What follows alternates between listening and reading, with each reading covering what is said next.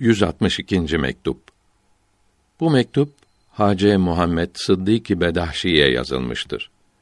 Mübarek Ramazan ayının üstünlüğünü ve Kur'an-ı Kerim'in bu ayda indirildiğini ve hurma ile iftar etmenin müstehap olduğunu bildirmektedir. Allahü Teala'nın zatının şuunatından biri kelam şanıdır. Bu kelam şanında zatın bütün üstünlükleri ve sıfatların bütün şuunları bulunur. Böyle olduğu önceki mektuplarda bildirilmişti. Mübarek Ramazan ayında da bütün iyilikler, bütün bereketler bulunur. Her iyilik, her bereket Allahü Teala'nın zatından gelmektedir. Teala ve tekaddes ve onun şuunlarından hasıl olmaktadır. Her kusur, her kötülük de mahlukların zatlarından ve sıfatlarından hasıl olmaktadır. Nisa suresinin 78. ayetinde mealen sana gelen her güzel şey Allahü Teala'dan gelmektedir. Sana gelen her kötülük de kendindendir buyuruldu. Bunun için bu aydaki iyiliklerin, bereketlerin hepsi Allahü Teala'nın zatındaki üstünlüklerden gelmektedir. Bu üstünlüklerin hepsi de kelam şanında bulunmaktadır. Kur'an-ı Kerim bu kelam şanının hakikatinin hepsinden hasıl olmuştur. Bundan dolayı bu mübarek ayın Kur'an-ı Kerim'le tam bağlılığı vardır. Çünkü Kur'an-ı Kerim'de bütün üstünlükler bulunmaktadır. Bu ayda da o üstünlüklerden hasıl olan bütün iyilikler bulunmaktadır. Bu bağlılıktan dolayı Kur'an-ı Kerim bu ayda nazil oldu. Bakara suresinin 185. ayetinde mealen Kur'an-ı Kerim Ramazan ayında indirildi buyuruldu. Kadir gecesi bu aydadır. Bu ayın özüdür. Kadir gecesi çekirdeğin içi gibidir. Ramazan ayı da kabuğu gibidir.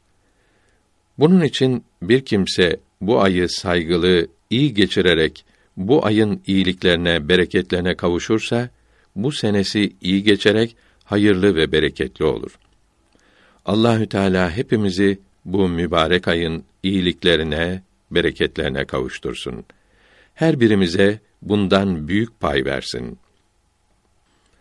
Rasulullah aleyhisselatu vesselam ve tahiyye buyurdu ki, oruçlu olan kimse hurma ile iftar etsin. Çünkü hurma bereketlidir. O server sallallahu teala aleyhi ve sellem hurma ile iftar ederdi. Hurmanın bereketli olması şöyledir ki onun ağacına nahle denir. Bu ağacın yaratılışında topluluk ve adalet vardır. İnsanın yaratılışı da böyledir. Bunun içindir ki Peygamberimiz sallallahu teala aleyhi ve sellem nahle ağacına Adem oğullarının halasıdır dedi. Halanız olan nahleye saygı gösteriniz. Çünkü bu ağaç Adem aleyhisselamın çamurundan kalan artıktan yaratılmıştır buyurdu. Görülüyor ki nahle Adem aleyhisselamın çamurundan yaratılmıştır. Nahleye bereket buyurması bunda her şeyin bulunduğu için olsa gerektir. Bunun için nahlenin meyvesi olan hurma yenince insanın parçası, dokusu olur. Böylece hurmada bulunan her şey insana da aktarılmış olur. Hurmada bulunan sonsuz üstünlükler bunu yiyende de bulunur. Hurmayı yiyen herkes böyle olur ise de oruçlu kimse iftar zamanında şehvetlerden ve dünyanın geçici zevklerinden temiz olduğu için hurmadan pek çok istifade eder. Anlattığımız faydeleri daha tam ve daha olgun olur. O server aleyhi mines salavati efteluha ve minet tahiyyati ekmeluha müminin sahurunun hurma ile olması ne güzeldir buyurdu.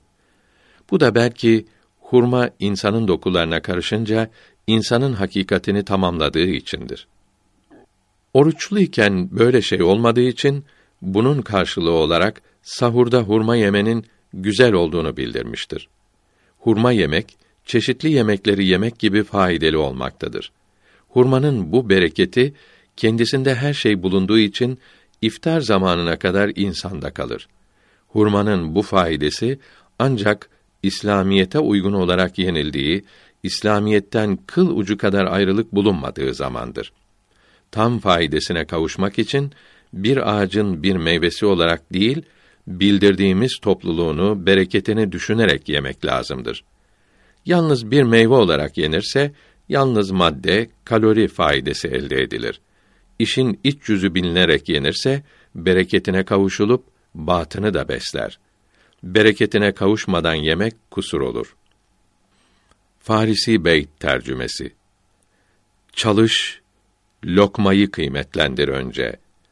Ondan sonra hiç korkma ye doyunca.